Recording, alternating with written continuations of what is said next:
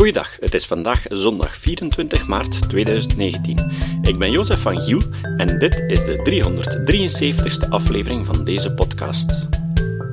Hoe moeten we met radicale IS-aanhangers omgaan? Moeten we de IS-kinderen terug naar België halen? Kunnen we ze deradicaliseren? Allemaal vragen die Jan Lippens op de Nacht van de Vrijdenker stelde aan Montasser Aldeme. Islamdenker en ooit infiltrant voor de Belgische staatsveiligheid. Vandaag horen jullie zijn antwoorden. Dubbelleven. Goedenavond, welkom bij ons laatste gesprek in de Zwarte Zaal. En vanavond zit bij ons Montasser Eldeme en hij wordt geïnterviewd door Jan Lippens. En Eldeme is een Belgische islamoloog, onderzoeker, jihada-expert, auteur en hij trok zelf naar Syrië om de IS-strijders, om hun ideologie eens te bevragen. En hij werkte ook als spion voor de Belgische staatsveiligheid en hij publiceerde daarover het boek Dubbelleven. En net daarover gaan ze het vanavond hebben.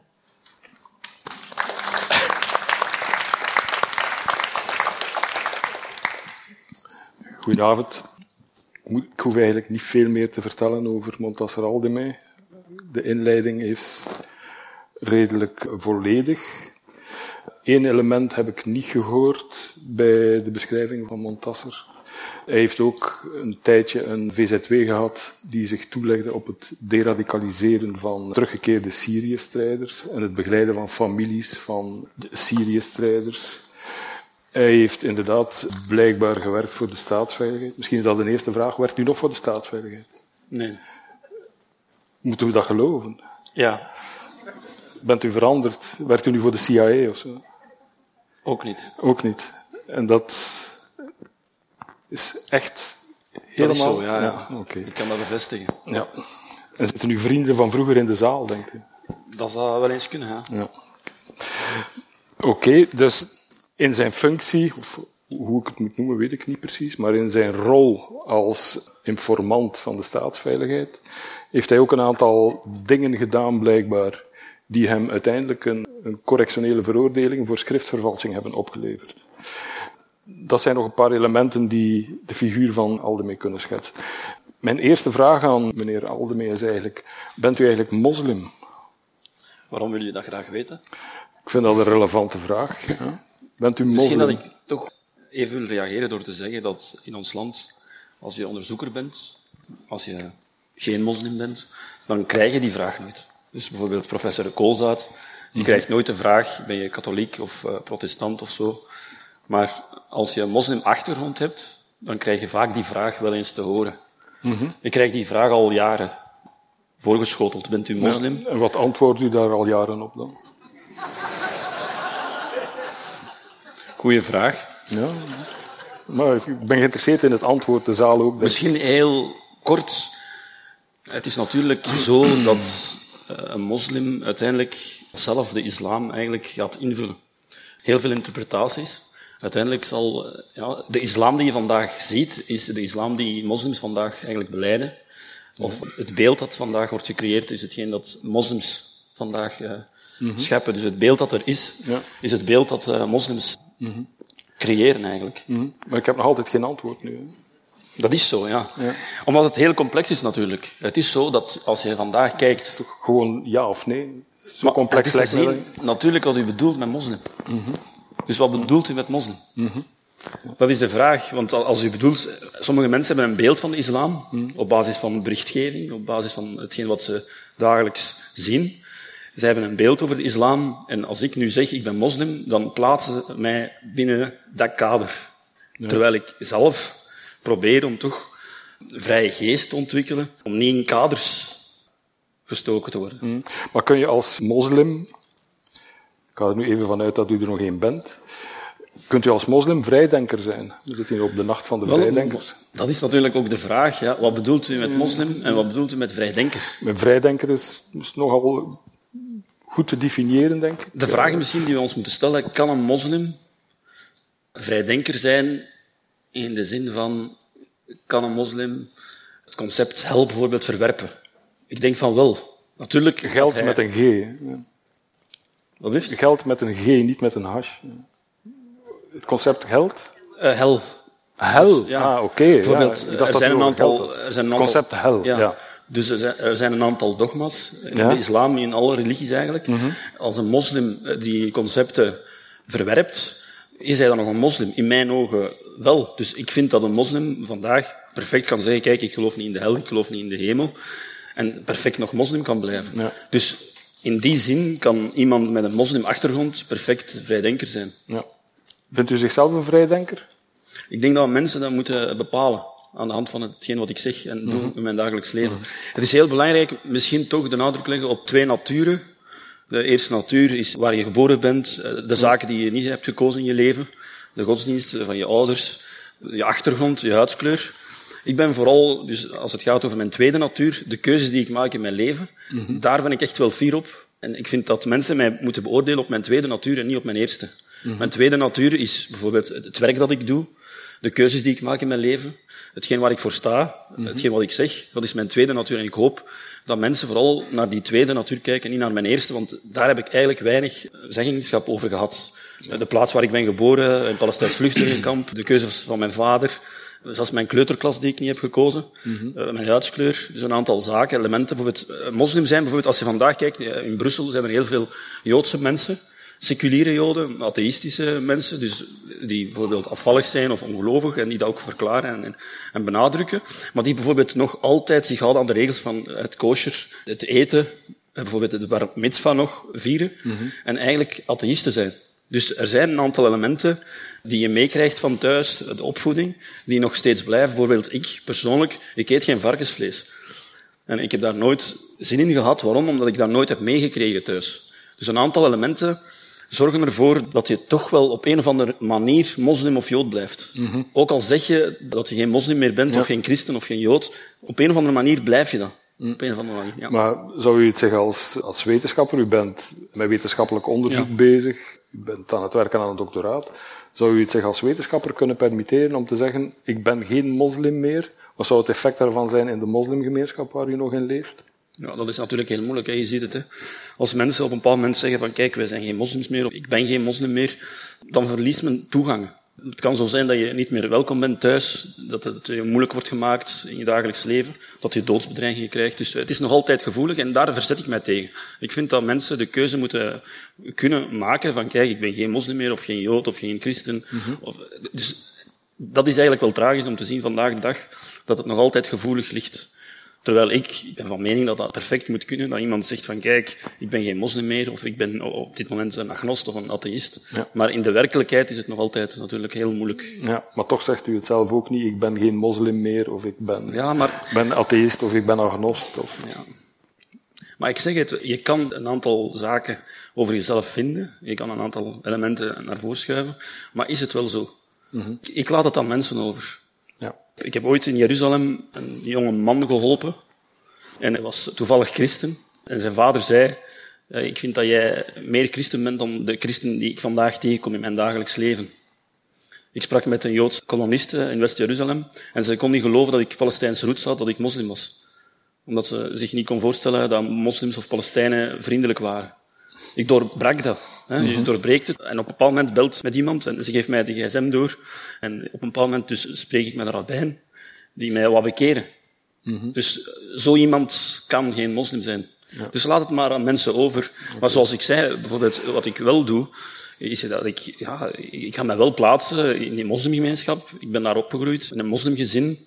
Ik heb een aantal waarden meegekregen die toch heel belangrijk zijn. Maar ik vind de vraag moslim, voor mijn onderzoek is dat niet echt relevant. Ik ben islamoloog en ik probeer de afstand te bewaren. Dus ik probeer echt van op afstand te oordelen over de islam. Als u mij een vraag stelt over de islam, als islamoloog, dan kan ik perfect een objectief antwoord geven. Los van mijn persoonlijke overtuiging. Oké, we laten het dus aan de zaal over om te bepalen of u al dan niet moslim bent.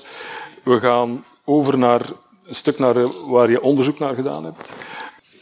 De media berichten nu eigenlijk over Syrië, over IS, over het kalifaat, alsof het in verval is, alsof het probleem bijna opgelost is. Wat is uw inschatting eigenlijk van hoe staat het nu eigenlijk met het kalifaat? Er zijn nu recent weer een paar kleine berichten geweest dat er zelfs hier en daar gebiedsuitbreiding terug is. Wat is uw inschatting? Is, het, is het kalifaat op sterven na dood of hebben we nog, nog dingen te verwachten waar dat we ons nu nog geen voorstelling kunnen van maken? Ik kan me wel iets voorstellen. Je moet toch wel de geschiedenis een beetje kennen van het Midden-Oosten om daar Ja. de juiste analyse te maken of toch dicht bij de waarheid te komen. Als je kijkt dat de moslimbroeders vandaag wereldwijd, maar zelfs in het Midden-Oosten, in Egypte, in Tunesië, in Libië, overal toch wel macht hebben. Erdogan, die mensen dromen ook van een kalifaat. Dus als je mij zegt een IS-kalifaat, dan zeg ik op dit moment ziet het er niet goed uit voor IS. Eh, Ze hebben nog een klein grondgebied eh, onder controle ten oosten van de Eufraat, waar ze nog steeds wel effectief zijn. Onlangs hebben ze aanvallen uitgevoerd waarbij dat er toch tientallen SDF-strijders zijn gedood. Ze voeren aanvallen uit. Ze wachten vaak op de weersomstandigheden die in hun voordeel pleiten. Hè, De mist, zandstormen, om de aanval uit te voeren. Het is wel opmerkelijk als je vandaag over IS spreekt, dat je toch moet rekening houden met het feit dat zonder de coalitie, zonder de bombardementen van de coalitie, dat de IS eigenlijk heel die regio had overgenomen.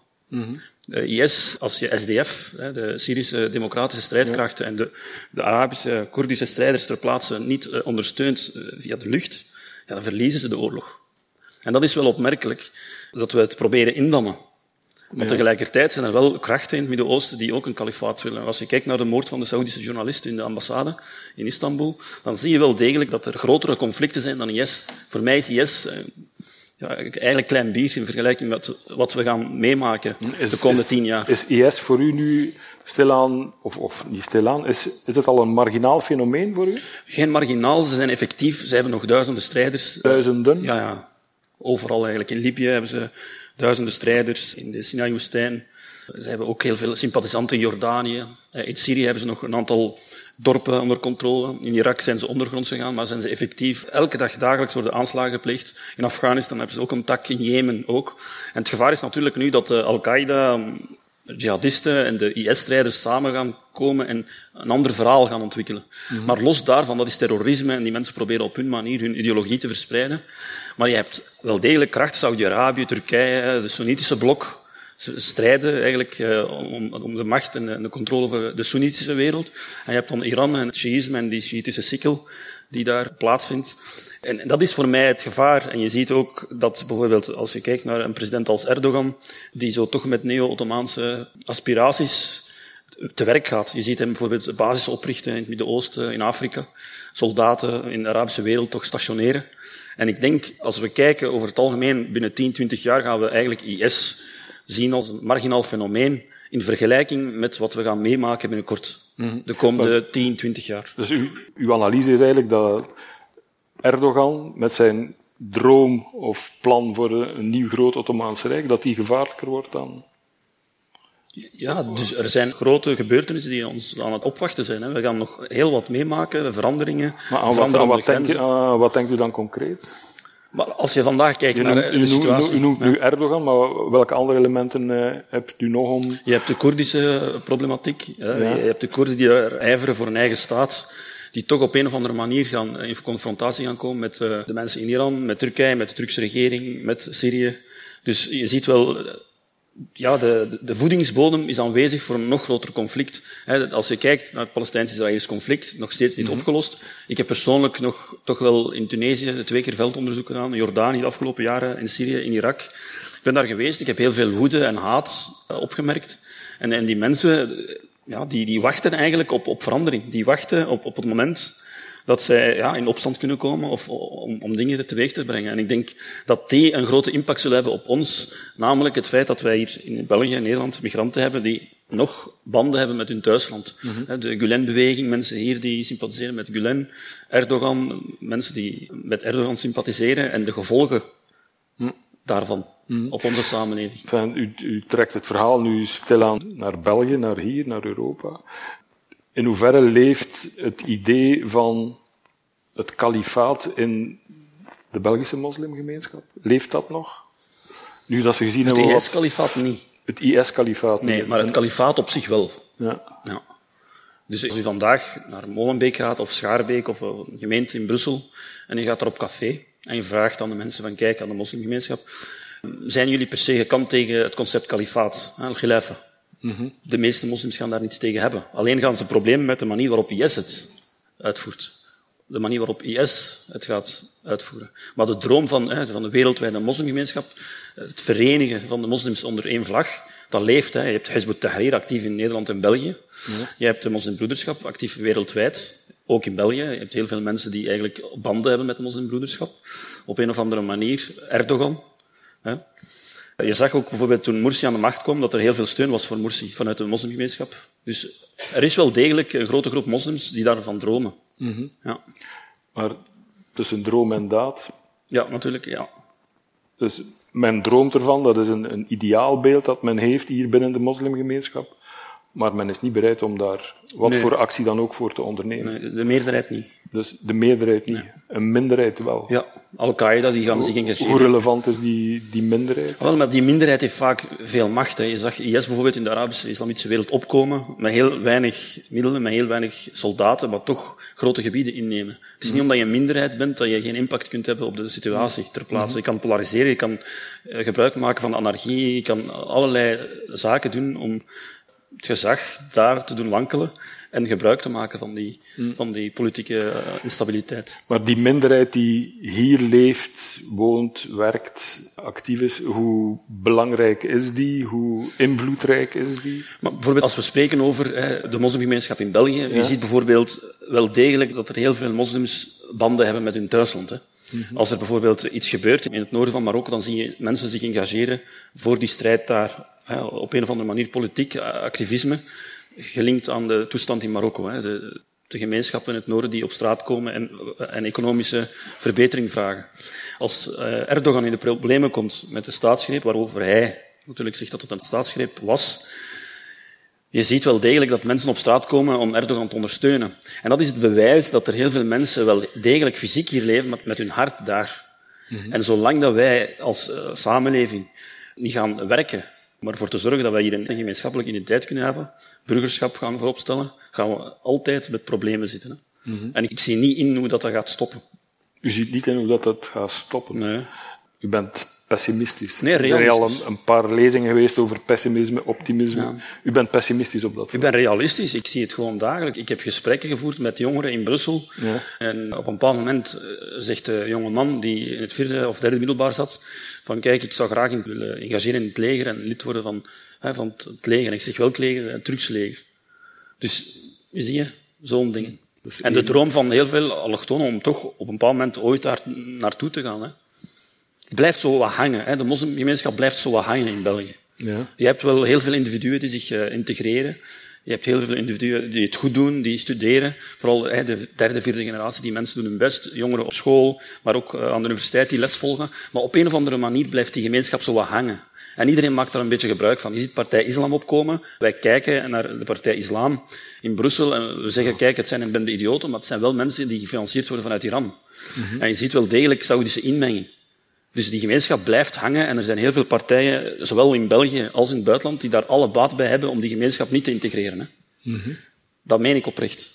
Dus er zijn een aantal krachten, zowel in het buitenland als in het binnenland, die niet willen dat die moslimgemeenschap integreert in België. Benoem die krachten eens.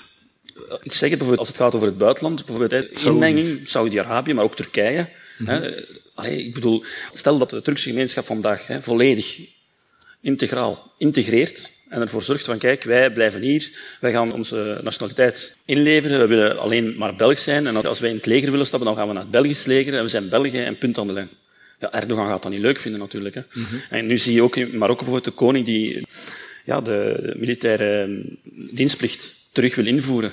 Om die Marokkaanse jongeren die vandaag ook perfect integreren, om die weer los te weken uit onze samenleving. En al die islamitische bewegingen in het Midden-Oosten, Hezb tahrir Al-Qaeda, IS, die willen dat niet. Die mensen willen niet dat die mensen integreren. Ze hebben hen nog brood nodig voor hun projecten daar. En jammer genoeg zie je wel tussenpersonen in onze samenleving die dat mogelijk maken. Imams, moslimleiders, allerlei groeperingen binnen de moslimgemeenschap, die trachten om de, de projecten vanuit het Midden-Oosten eigenlijk hier ook mogelijk te maken door die mensen eigenlijk los te weken. Je mag je integreren, maar niet te veel. Mm -hmm. Hoe keer je dat? Hoe kun je dat keren? Ik denk niet dat je dat kan keren. Je kan dat niet keren. Nee. Je moet dat ondergaan. Nee, ook niet. Je, je, moet het eigenlijk in kaart brengen. Dus eerst in kaart brengen, wat ja. wij niet kunnen vaak. Hè, want je ziet wel degelijk mensen die op onze politieke lijsten staan, hè, van de huidige politieke partijen in België, die linken hebben met het buitenland, die actief zijn ook in, in die kringen. Bijvoorbeeld de Grijze Wolven, bijvoorbeeld, die ook op lijsten van Belgische partijen staan. Hoe ga je dat keren? Je moet dat eerst in kaart brengen en dan moet je het proberen ja, indammen. Hè. Onderschatten wij, onderschatten onze politici dat probleem van het tegenhouden eigenlijk vanuit het buitenland van integratie van die, die gemeenschappen hier? De vraag is niet onderschatten dat? Je moet eerst weten wat het probleem is om het te onderschatten. Je kan het niet onderschatten als je niet weet wat het probleem is. Onze politici zijn niet geïnformeerd. Die mensen zijn Nee? wereldvreemd. Ja, ja. Ja? Ja, die mensen hebben geen kennis. Hè. Die mensen die zitten de hele het. dag op sociale media hè, allerlei onnozelheid te verkopen over uh, Over, en over, frietjes. enfin, noem eens een paar namen, over wie hebt u het nu? Over het algemeen. Hè. Allemaal. Ja, ja, allemaal. Over het algemeen, ja, ja. Over het algemeen kan je een vaststelling maken. Natuurlijk zullen er mensen zijn die hun best doen enzovoort. Maar over het algemeen, als het gaat over de wereldproblemen vandaag, hè, als je kijkt naar de manier waarop dat men omgaat met de moslimgemeenschap, de manier waarop dat men alles doet, dan merk je wel degelijk dat er een groot probleem is. Er is een groot probleem Ja, in maar, onze samenleving. Ja. maar schuift u de schuld daarvoor nu in, Nee, ik zeg in, niet dat in het de schoenen van, van de politici, van de politieke partijen die het probleem niet kennen? eh, schuld. Ze zijn mede verantwoordelijk. Ze zijn eh, verkozen om, om de problemen juist eh, op te lossen. Ja, maar we zien, niet. nee, ze doen dat te weinig.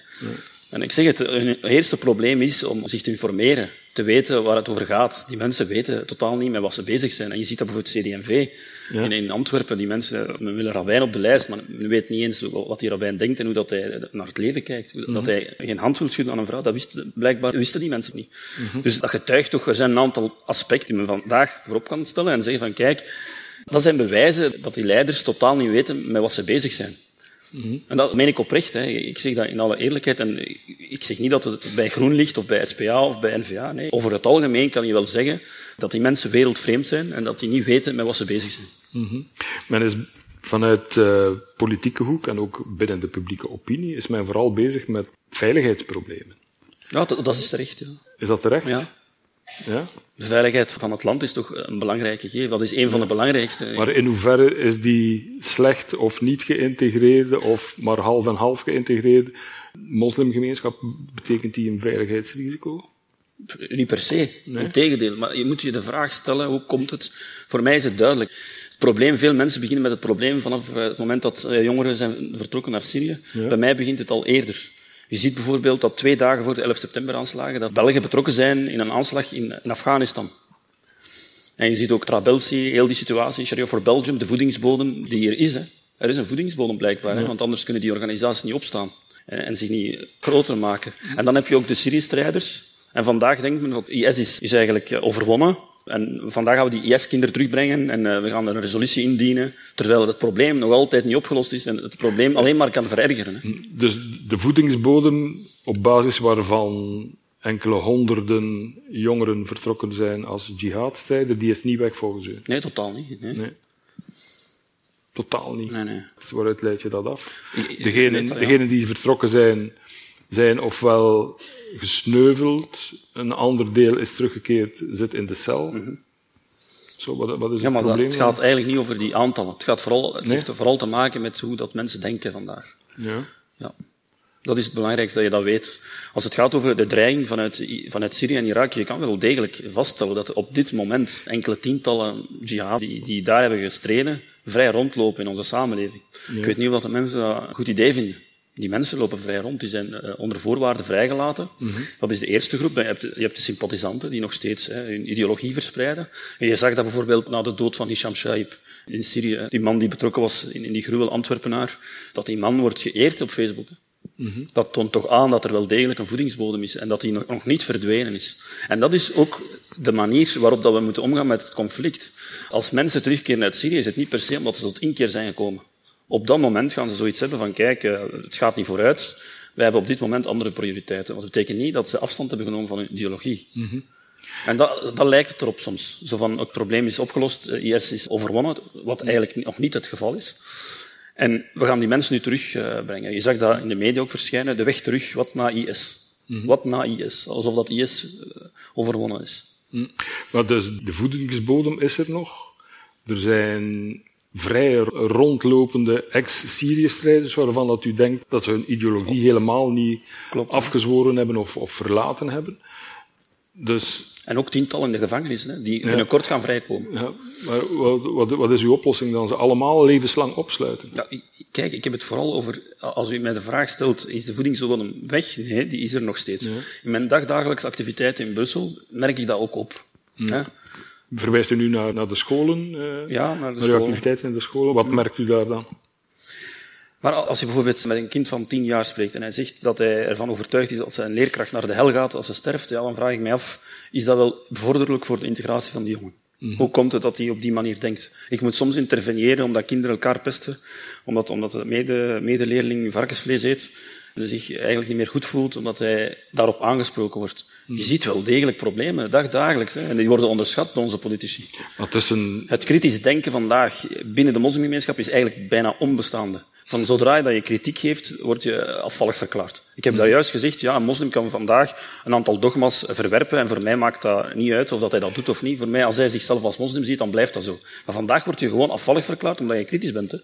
Dus je, je hebt niet één schottingvraag gesteld, je zegt gewoon, ja, dat kan hier niet, bijvoorbeeld. Dat, dat een kind denkt dat zijn leerkracht naar de hel gaat, terwijl hij dagelijks daar les volgt.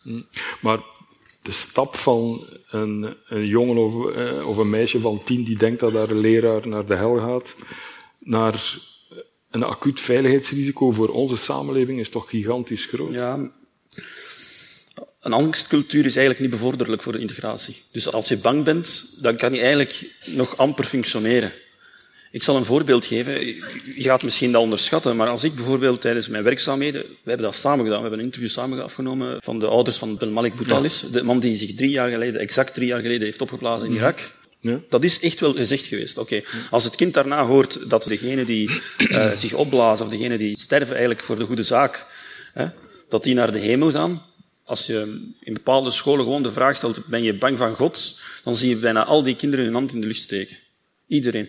Iedereen is bang. En dan vraag je waarom? Ja, ik ben bang om naar de hel te gaan. Oké, en hoe kan je dan voorkomen om naar de hel te gaan? Ja, een goede moslim zijn. En iedereen geeft zijn eigen definitie daaraan. Maar als je dan de jihadis hoort, ja kijk, de enige die niet bestraft zal worden, of niet ondervraagd, hè, de enige die niet ondervraagd zal worden, want men, men gelooft van, kijk, we zullen ondervraagd worden over hetgeen wat wij gedaan hebben in het leven, dat zijn de jihadis. Dus word jihad en je wordt niet ondervraagd. Je gaat meteen naar de hemel, je, krijgt daar allerlei gunsten. Dus voor mij is dat, als kinderen niet leren kritisch omgaan met die teksten, ja, dan heb je toch een probleem. Dan kunnen ze toch vatbaar zijn voor radicale ideologieën. En dat is het probleem. Dus als je kinderen niet leert kritisch nadenken, dan zit je met een probleem. En wie doet dat? Wie doet dat? Wie stelt die vragen in Brussel? Dat is heel grappig. Hè? Ik ga dat hier zeggen. Uh, onlangs kreeg ik kritiek van de moslim-executieven. De moslim-executieven die gesubsidieerd worden door onze overheid. En waarom kreeg ik kritiek? Omdat ik moslimjongeren vragen had gesteld. Dus ik vroeg, gelooft u in God? Ja, hè? zoals u eigenlijk. Gelooft u in God? Ja. Bent u bang? Uh, ja. Waarom bent u bang? Dat mag al niet. Waarom? Ah, je laat die kinderen twijfelen. Dus twijfelen, dat mag niet. Hè? Als ik bijvoorbeeld zeg, in, in onze samenleving zeg van, kijk, die bestraffing in het graf en een bepaalde verhaal die worden verteld, dat is onzin. Dan krijg ik de Marokkaanse imam daar in Limburg op mijn dak, de voorzitter van de Marokkaanse moskee, die zegt, nee, de bestraffing van het graf behoort tot het geloof. En uh, je mag daarover nadenken, maar niet aan twijfelen. En hij begint mij aan te vallen. Mm -hmm. Ja, dat is toch een probleem. Ja. Dus ik zeg u, vandaag krijg ik kritiek van die moslim-executieven. En die mensen worden dagelijks uitgenodigd op de kabinetten, die vind je overal. Die krijgen subsidies, geld. Die krijgen geld eigenlijk om de kinderen te indoctrineren. We hebben het nu even gehad over de, wat u de indoctrinatie noemt van, van schoolkinderen, of van op de schoolbanken uiteindelijk. Maar anderzijds bent u ook actief geweest rond jihadi-strijders ja. die bewust naar Ginder zijn vertrokken, eventueel zijn weergekeerd. U had een deradicaliseringsorganisatie. Maar u bent daarmee gestopt en u hebt ergens nog wel in interviews gezegd van deradicalisering is onmogelijk. Mm -hmm. Maar dat zag je bijvoorbeeld nu onlangs met uh, Fouad dus. Maar, ja, maar wat is dan uw oplossing? Degenen die geradicaliseerd waren, zijn niet meer te deradicaliseren op geen enkele manier. Dus de cel, ze moeten in de cel. Levenslang. Ik zeg maar, het loopt Wat doe je daar dan mee? Op, dat vlak hier in België loopt het vierkant. Ja? Dus vandaag als je zegt deradicalisering, wat bedoelen wij daarmee? Ja, er zijn heel veel deradicaliseringsinitiatieven Weet, ik heb met mensen gesproken die, willen, die, die jongeren willen deradicaliseren. Ja. En die zeggen, kijk, voor ons, vanaf zodra dat zij IS de rug toekeren en hun steun aan Abu Bakr al-Baghdadi afzeggen, dan is het voor ons opgelost, dan zijn ze gederadicaliseerd. Ja. Maar dat betekent toch niets, want je hebt nog Al-Qaeda en die zetten zich ook af tegen al-Baghdadi. Dus uh, IS, nee, Al-Qaeda, oké, dat valt nog mee, want die mensen hebben nog geen aanslagen gepleegd in België. Zo gaat dat. Hè? Dus het is te zien wat je als radicaal beschouwt. Als je zegt, voor ons is IS radicaal, ja, dan begrijp ik dat je van zodra dat je IS eigenlijk de rug toekeert, dat je gederadicaliseerd bent. Hè? Dat klopt. Hè? Dus als je zegt, de steun aan IS is radicaal, van zodra dat je geen steun meer geeft aan IS, ben je gederadicaliseerd. Ik begrijp wat men hier bedoelt. Hè? Maar dat is het nu niet. Hè? Ik heb amper, echt amper, u weet het als journalist, als u met uw collega's praat, dan gaat u merken dat er amper verhalen zijn van mensen die gederadicaliseerd zijn en op een bepaald moment Kant zijn beginnen lezen. Hebt u ooit een jihadi een ex-jihadi gezien die vandaag de verlichte filosoof is geworden? Of uh, aan de faculteit filosofie aan de KU Leuven of in Gent filosofie studeert? En die zegt van wauw, prachtig, hè, de verlichting. En Kant en Nietzsche. En Spinoza en Descartes. En het begin van de wijsheid is twijfelen. Mm -hmm. Het begin van de wijsheid. Hè. Mm. Dus, Twijfelen, dat is de onzin, die deradicalisering. Deradicalisering kan dus niet, maar wat doe je met die mensen, Belgen, die hier zijn, die hier wonen, die hier gaan blijven? Om even terug te keren, weet je, die ja. imams die worden ingezet, hè. ik wil dat gewoon zeggen, ik ben gewoon rechtuit. De imams die... ja, die moslimconsulenten. Die ah, in de gevangenis ja, Waar hebben die gestudeerd eigenlijk? Zeg me dat eens? Die, die mensen hebben geen diploma's. Nee. Die worden daar ingezet omdat ze een beetje Arabisch kunnen en een beetje Koranversen uit het hoofd hebben geleerd. Mm -hmm. En dan gaan die naar die jongens en die zeggen, ja, de islam is vrede. En dan zeggen die, nee, maar er staat ook dat wij moeten vechten tegen de ongelovigen of tegen de mensen die ons aanvallen. Wat zeg je dan? Dan zit je, dat is een discussie dat nooit eindigt. Hè? Ja, het staat hier, kijk wat er hier staat. Nee, kijk wat er hier staat. Ja, dat gaan ze nooit oplossen op die manier. Hè? En vaak ook die imams, die kunnen geen Nederlands, die worden uitgelachen in de gevangenis. Ik heb verhalen, ik heb contact met cipiers die dat mij dat zeggen. Hè? Die imams die komen daar toe, die willen mij Fouad Belkacem spreken. En op een bepaald moment draait het gesprek helemaal hè, naar een andere kant, waarbij dat Fouad Belkacem die mensen zit overtuigen van zijn eigen ideologie. In de gevangenissen. Mm -hmm. En dan, hè, vandaag, Fouad Belkacem zit al jaren in de gevangenis, is hij gederadicaliseerd? In tegendeel zelfs. Hij heeft onlangs gezegd dat hij fier is op een aantal zaken die hij gedaan heeft. Dus ik bedoel, waar zijn we mee bezig? Mm. We zijn eigenlijk, we zitten op een trein naar de afgrond aan het gaan. En sommige mensen proberen hier en daar te roepen, te zeggen van kijk, oppassen. Maar die trein gaat verder. Hè. En we zijn richting de afgrond gaan. Je gaat zien binnenkort. En mensen gaan zeggen, ja, kijk, je handelt in angst enzovoort. Dat klopt totaal niet. Hè. Ja, ik maak een analyse. Er zijn critici van u die zeggen van u bent een handelaar in ja. Ja, maar dat heb ik ook gehoord bijvoorbeeld toen ik in Rijs laat zat en gewaarschuwd heb voor de aanslagen, werd ik ook weggehoond als paniekzaaier. Ja. Ja, hoeveel keer heb ik niet gewaarschuwd voor die aanslagen? Constant. Elke keer als je analyse maakt, word je weggehoond als paniekzaaier. En dan, dan ontploft een boel en dan negeert men u. Ja, oké. Okay, is dat... Mijn drijfveer is niet angstzaaien, integendeel. Het is niet aan mij natuurlijk... Dat is wel het gevolg van, van wat u vertelt. Ja, maar het is niet aan mij om mensen gerust te stellen. Nee. Mensen verwachten van mij dat ik een analyse maak en dat ik objectief naar de situatie kijk en probeer om zo dicht mogelijk bij de waarheid te komen. Zonder te zeggen en te pretenderen dat ik de waarheid in pacht heb. Mensen verwachten niet van mij dat ik hen sussen. Ik heb nog nooit meegemaakt dat iemand tegen mij zei, er, stel ons gerust.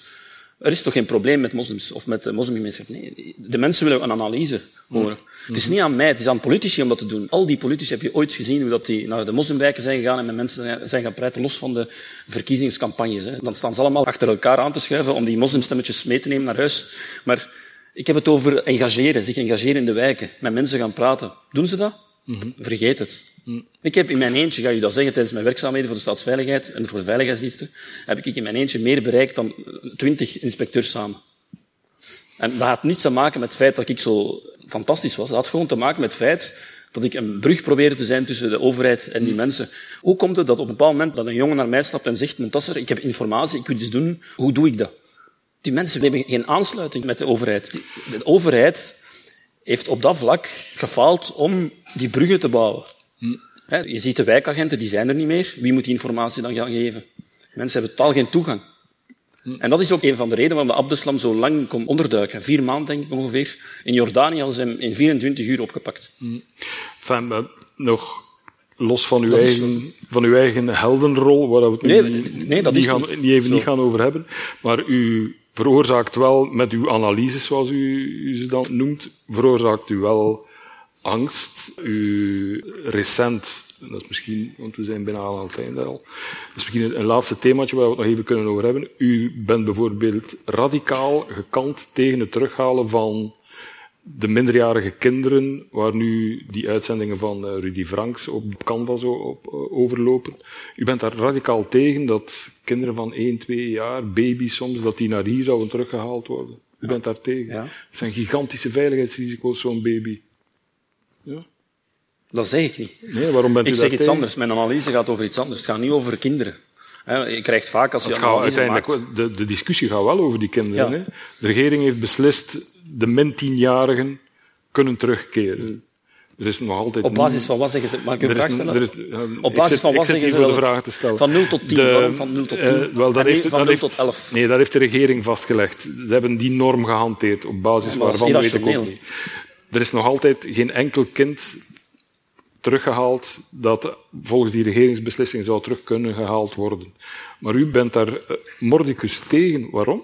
Ja, niet omdat ik een kinderhater ben, hè, want eh, je, krijgt, je, je maakt een analyse, het lijkt alsof dat je tegen die kinderen bent. Ik ben niet tegen kinderen, waar ze ook zijn in heel de wereld. Hè, Ik hoop dat kinderen overal een gelukkig leven kunnen leiden, ver van oorlog en haat en onrecht. Maar wat ik u wil zeggen is, als je vandaag een analyse maakt over het terughalen van kinderen, dan moet je rekening houden met een aantal aspecten. En daar gaat men eigenlijk aan voorbij. Welke aspecten? Eén, trauma's. U gelooft hun analyse. Kom aan. Je kan toch niet op basis van een week gaan bepalen en gaan concluderen. Dat is al een, een grote schande. Eén. Twee, trauma's. Hoe gaan we die trauma's verwerken? Dat is de eerste vraag. Ik heb een aantal voorbeelden. Als je kijkt bijvoorbeeld de afgelopen maanden, een paar maanden geleden heeft een jonge Tsjetsjen een aanslag gepleegd in Parijs. Je kan misschien naar het profiel kijken van die jongen en dan zie je... En die man pleegde een aanslag. En als je het profiel bekijkt, dan zie je dat die ouders gevlucht zijn uit Tsjetsjenië tijdens die oorlog daar in de jaren 90. Die man had de oorlog niet meegemaakt, maar toch was hij vatbaar voor radicaal gedachtegoed. Hoe komt dat? Dus als u vandaag zegt, is de baby in gevaar? Ik zeg, nee, het baby is geen gevaar. Maar later, wat gaat u doen als de baby de vraag stelt, wie was mijn papa? Ja, gedood door een F-16. Wij hebben meegedaan aan de oorlog en uw vader is gestorven tijdens de oorlog. Waar is mijn mama? Uw mama hebben wij achtergelaten. In een kamp in Syrië. En ze mocht daar creperen van ons. Kan u mij nu garanderen dat het kind zich niet gaat wreken? Zou u, als u kinderen hebt, zou u willen dat die kinderen, mensen, de realiteit is natuurlijk anders dan wat er vandaag wordt voorgesteld. Als je kijkt in bepaalde gemeenten waar ik ga werken, hè, met de scholen, en ik zie dat er een vluchtelingenkind in de klas terechtkomt, dat ouders hun kinderen weghalen, dan zegt dat toch genoeg? Andere ouders. Ja, gewoon omwille van het feit dat het vluchtelingenkinderen zijn. Laat staan als men weet dat het een kind is van IS-strijders. Wat gaat er dan gebeuren?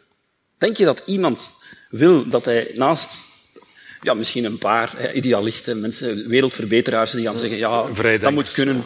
Ja, dat moet kunnen enzovoort. Maar je hebt een aantal mensen, of heel veel, het verhaal dat vandaag verkocht wordt, maak jullie geen zorgen, we zien wel. Hans Bonte, burgemeester in Vilvoorde. Ja. Wat is zijn plan eigenlijk? Zijn plan is om die terug te halen. Ja, en, en wat dan? We zien wel.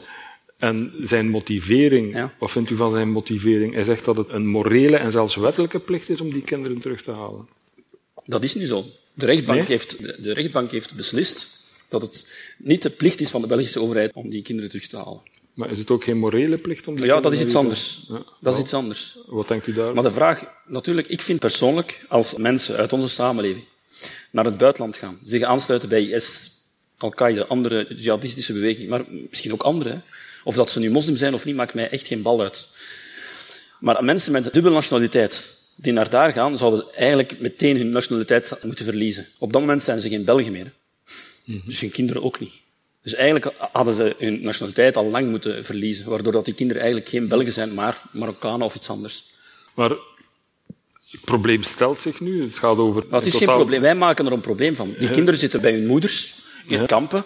Ze eten, ze slapen en ze drinken. Wij maken er een probleem van.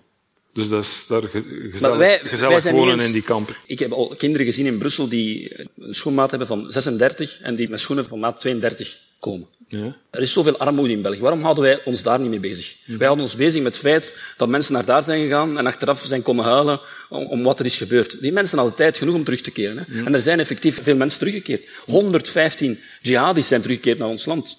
Ook vrouwen en kinderen. Maar die mensen die daar zitten, sommigen zijn twee keer teruggekeerd. Die zijn hier teruggekeerd naar België. Op een bepaald moment hè, schouder verbrijzeld. Ze krijgen hulp in onze ziekenhuizen, alles op en eraan, op kosten van de belastingbetaler. Want niemand vraagt zich natuurlijk af hoeveel dat gaat kosten. Hè. Hoeveel gaat dat kosten? Die, trauma's en het feit dat we de, veiligheidsdiensten moeten versterken om die mensen te gaan opvolgen. Want je, weet nooit wanneer dat het kind gaat doordraaien. En ik heb daar wel heel veel ervaring mee. Ik spreek als ervaringsdeskundige. Als kind van Palestijnse ouders heb ik jarenlang met de haat gezeten. Ik denk dat ik dat pas op rond mijn 22, 24 heb verwerkt. En voor hetzelfde geld was ik al lang dood. Hè. Moest ik geen geluk hebben om hier op te groeien en met mensen in contact te komen, een Joodse professor, hè, waardoor dat je een nuance kunt maken en de mens kunt zien in de Joden, ja, dan was ik ook weg. Hè. Dus ik weet hoe diep het zit. Het kan heel diep zitten. Maar in als, Indonesië het, als, het, als het zelfs met jou gelukt is om jou te deradicaliseren, Ja, maar dat was- waarom zou het dan niet lukken met, met een baby Maar dat is van zes maanden of met een kind van twee jaar Maar dat, dat is je hier zoiets. opvangt? Dat is echt nog zoiets. Wij kijken zo neer op die mensen en we zeggen van kijk, wij gaan u deradicaliseren. Ik heb het zelf gedaan. Hè. Mhm. Dat is mijn eigen keuze geweest. Ik ben zelf naar de universiteit gegaan, ik heb mijn best gedaan, ik ben naar Auschwitz Mhm. gegaan en ik, ik heb mij opengesteld daarvoor. Natuurlijk zullen er een aantal kinderen die eventueel terugkeren en op een bepaald moment ook integreren en een mooi leven gaan leiden. Mhm. Maar ik ga u zeggen, ik persoonlijk eh, zou het niet doen omdat het risico dat er één of twee doordraaien groot is. Je zag bijvoorbeeld onlangs een gezin terugkeren naar Indonesië. En heel het gezin was betrokken in een aanslag. Ook kinderen. Hè. Een aantal kinderen waren betrokken, hebben zich opgeblazen in die kerken in Indonesië. Dus men kan niet zeggen dat het zonder risico's zal gebeuren. Risicoloos bestaat uiteraard. Ja, maar ik, ik wil niet die risico's tussen, nemen. tussen het risico dat één of twee van die kinderen bij het opgroeien ontspoort, zullen we het maar noemen. Tussen dat en zeggen van die 150 die ginder zitten, laat ze maar ginder stikken. Dus u wilt het erbij nemen, dat er misschien ooit één of zo doordraait? Ja, maar dat, ik vind dat onverantwoord. Waarom? Omdat het kind groeit op, wordt 18 jaar, blaast zich op in een school of ik weet niet waar, kinderen sterven. Dat is toch waanzin, dat je de risico's erbij wil nemen. Oké, we moeten ons plicht doen. Want, eh, principieel, we moeten die kinderen gaan terughalen. En we zullen wel zien, als ze dat doordraaien of zo, oké, als het maar één van de 124 is of zo, dan is het goed. Ja, maar ondertussen zijn er 20 mensen dood. Ik zou, als ik bijvoorbeeld adviseur zou zijn van de minister van Veiligheid en Binnenlandse Zaken, Jan Bon of iemand anders, of Buitenlandse Zaken, ik zou echt zeggen van nee, niet doen. Nog, En één, niet omdat ik eh, een kinderhater ben of zo, dat is onzin. nog één vraagje daarover, want we moeten afsluiten, vrees ik. Een, een suggestie die u ook hebt gedaan is die uitzendingen van Rudy Franks over die kinderen. Hun moeders en hun, eh, hun grootmoeders hier. U, u vindt dat Ik vind dat propaganda. U vindt dat propaganda. U zegt zelfs dat, dat de VRT en dat uh, iemand als Frank zich laat manipuleren. Heeft u daar aanwijzingen voor? Uh, heeft u daar concrete aanwijzingen voor? Aanwijzingen. Maar je moet gewoon naar die reportage kijken. Ik heb heel veel respect voor Rudy Franks. Ik zie hem vaak ook in Leuven. Dus ik heb daar totaal geen probleem mee als mens. Ik zeg, in deze heeft hij zich laten misbruiken. Hm. Kijk, door, door maar ken je alleen die verhaaltjes? Weet je, ik heb jihadisten, jongeren in onze samenleving gekend, radicale jongeren, die naar beelden uit Syrië keken, al die wenende vrouwen, en eigenlijk uit sympathie met die Syrische vrouwen naar daar zijn vertrokken en hè, door hun eigen foute keuze bij de foute organisaties terechtgekomen. Maar ze werden gemanipuleerd. Die jihadistische milities hebben gebruik gemaakt van de vrouwen, de tranen van vrouwen, hè, hè, van vrouwen die aan het huilen zijn, om bepaalde mensen in onze samenleving los te weken, jongeren. En nu zie je met de reportage hetzelfde. We doen eigenlijk het omgekeerde. We gaan die vrouwen opvoeren, allemaal wenen, en wij moeten dan medelijden hebben. Ik heb geen medelijden, sorry. Ik wil geen slaaf zijn van mijn empathie. Hè. Mm-hmm. Ik heb empathie, maar je moet dat niet misbruiken. Mm-hmm. Je bent twee keer teruggekeerd, je hebt zitten lachen. Die vrouwen hebben zitten lachen met het leed van Jezidi-vrouwen. Die werden verkracht dag en nacht door hun echtgenoten. Mm-hmm. Ik heb zelfs vrouwen gekend die op zoek waren gegaan naar Jezidi-vrouwen om hun echtgenoot te plezieren. Kom aan. En dan moet ik daar medelijden mee hebben. Sorry, ik heb medelijden met de slachtoffers van IS. Die mensen, ik, zal, ik, ik zat te infiltreren in die kringen. Letterlijk, ik heb echt gezien hoe dat die mensen zat lachen met het leed van die Jordaanse piloot die levend werd verbrand. En dan moet ik daar ja. medelijden mee hebben. En kom, we gaan die mensen verzamelen en laten ze wat huilen voor de kamers. Och arme, och arme, ik heb daar geen medelijden mee. Nee. nee die... Voor mij gaat dat hier te ver. Ja, geen medelijden. Hun kinderen, die ze uh, op de wereld hebben gezet terwijl ze kinderen al zaten hun kinderen zijn dan toch even goed slachtoffer? Ja, maar we, we beginnen weer. Hè. Och, arme die kinderen. Heb ik ze op de wereld gezet? ja, sorry. Hè. Die vrouwen die trouwen met drie mannen en elke dag krijgen ze een ander kind.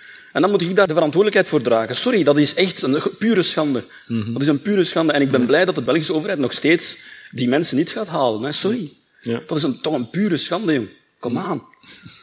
Dat is een pure schande vandaag dat ik mijn verantwoordelijkheid moet dragen omdat iemand naar daar is gegaan, zijn vrouw heeft meegenomen, zijn gezin en bij ons zat te lachen en na de aanslag op 22 maart zat te lachen met het leed van de slachtoffers op 22 maart. Daar heb ik empathie mee, daar wil ik medelijden mee hebben. Mm -hmm. Maar niet met die vrouw die nu komt janken.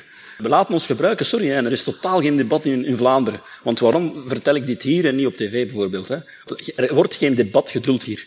Er is geen, sorry dat ik het zeg, maar zoveel jaar na de verlichting hè, is er amper sprake van een debatcultuur in Vlaanderen. Ik ken een professor, Werner de Sager, heel veel professoren, onderzoekers die mijn standpunt ook verdedigen en, en, mij gelijk geven. Maar die krijgen geen platform. Hoe komt dat? We horen elke dag, zevende dag, op ter zake, de afspraak, altijd hetzelfde. Mm. Altijd hetzelfde gemekker. Mm -hmm. Van ja, uh, we moeten die kinderen terughalen enzovoort. Waar zijn we mee bezig? Mm -hmm.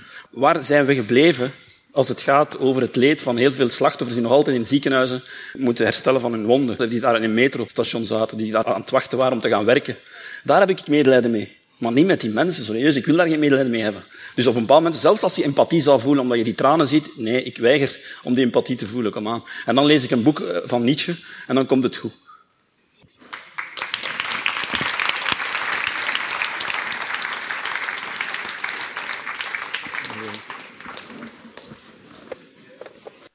Opmerking?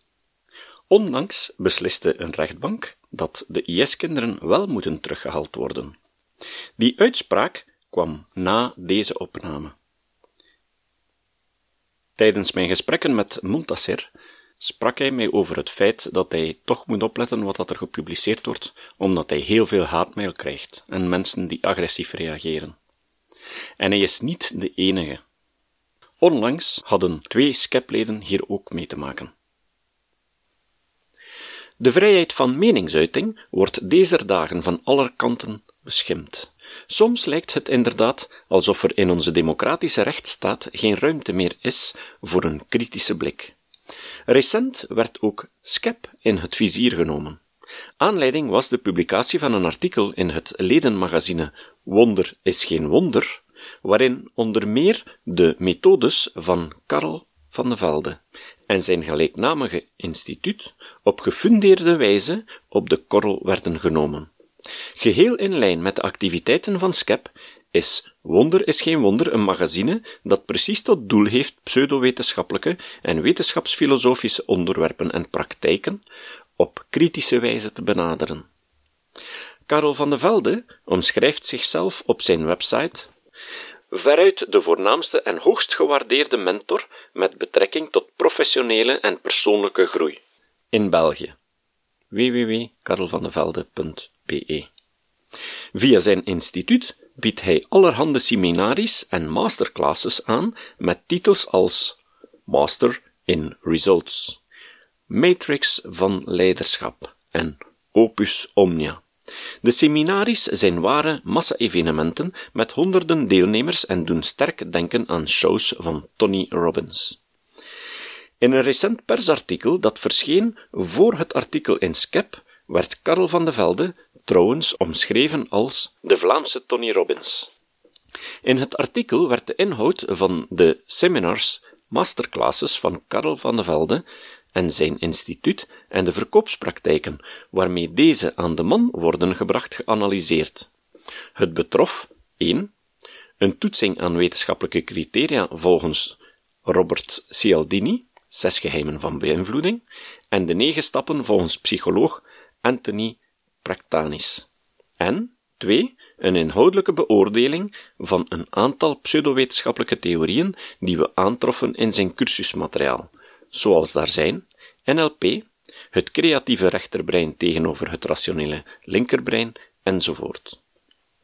In plaats van het debat op constructieve wijze aan te gaan, hebben Karel van de Velde en zijn instituut de auteurs van het artikel, skepleden Patrick Vermeeren en Bart van de Ven, prompt gedagvaard en getorpedeerd met een schadevergoeding van maar liefst 400.000 euro.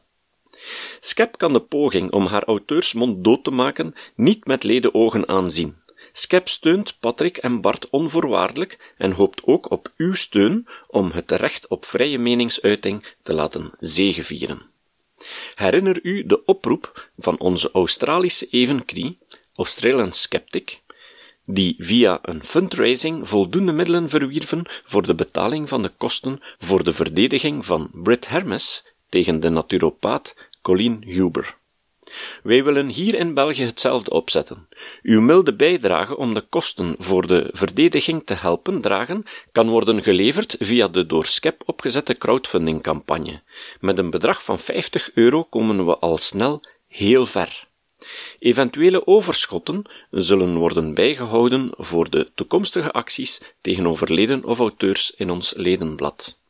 U kan uw bijdrage online storten via de link die je vindt op het einde van de notitiepagina's van deze aflevering. En vergeet niet om 9 november van 2019 in jouw agenda vrij te houden, want dan gaat de nacht van de vrijdenker door. Het citaat. Het citaat van vandaag komt van Maarten Boudry. Boudry zei: Volgens mij is dat de grote uitdaging voor progressieve krachten de komende jaren, ook hier in Europa. Gun rechtspopulisten niet het monopolie op islamkritiek. Laat hen niet wegkomen met de perceptie dat zij de enigen zijn die het probleem durven te benoemen. Veroordeel hun knettergekke voorstellen. Ban all Muslims. Maar neem terzelfde tijd de angsten en verzuchtingen van mensen ernstig. Hou op met islamcritici de mond te snoeren met de dooddoener dat ze extreem rechts in de kaart spelen en schrap voorgoed de onzinterm islamofobie en cultureel racisme uit het politiek correcte draaiboek. Tot de volgende keer. Deze podcast is het resultaat van het werk van veel mensen. Rick de Laat verbetert bijna al mijn teksten en maakt de meeste vertalingen. Emiel Dingemans verzorgt onze website en Facebookpagina. Ook Leon Korteweg en Stefan Sutens schrijven, vertalen of verbeteren soms artikelen. Leon onderhoudt bovendien het YouTube-kanaal van deze podcast. De muziek van de intro en de trailer heeft Nick Lucassen geschreven en soms maken we ook gebruik van muziek van Ad van Nederpelt, die ons zijn prachtige composities ter beschikking stelt. Dit was de podcast Kritisch Denken. Vergeet niet om alles kritisch te behandelen, ook deze podcast. Voor verdere informatie over deze podcast, links en voor de tekst, surf naar www.kritischdenken.info. Als je deze podcast belangrijk vindt, kun je me steunen door andere warm te maken ook eens te luisteren. Stuur een e-mail naar vrienden met een link naar de website en plaats de link in de handtekening van je e-mails. Tevens kun je op iTunes deze podcast een beoordeling geven of een recensie schrijven. Of je kan op je eigen website of blog een link naar kritisch denken plaatsen.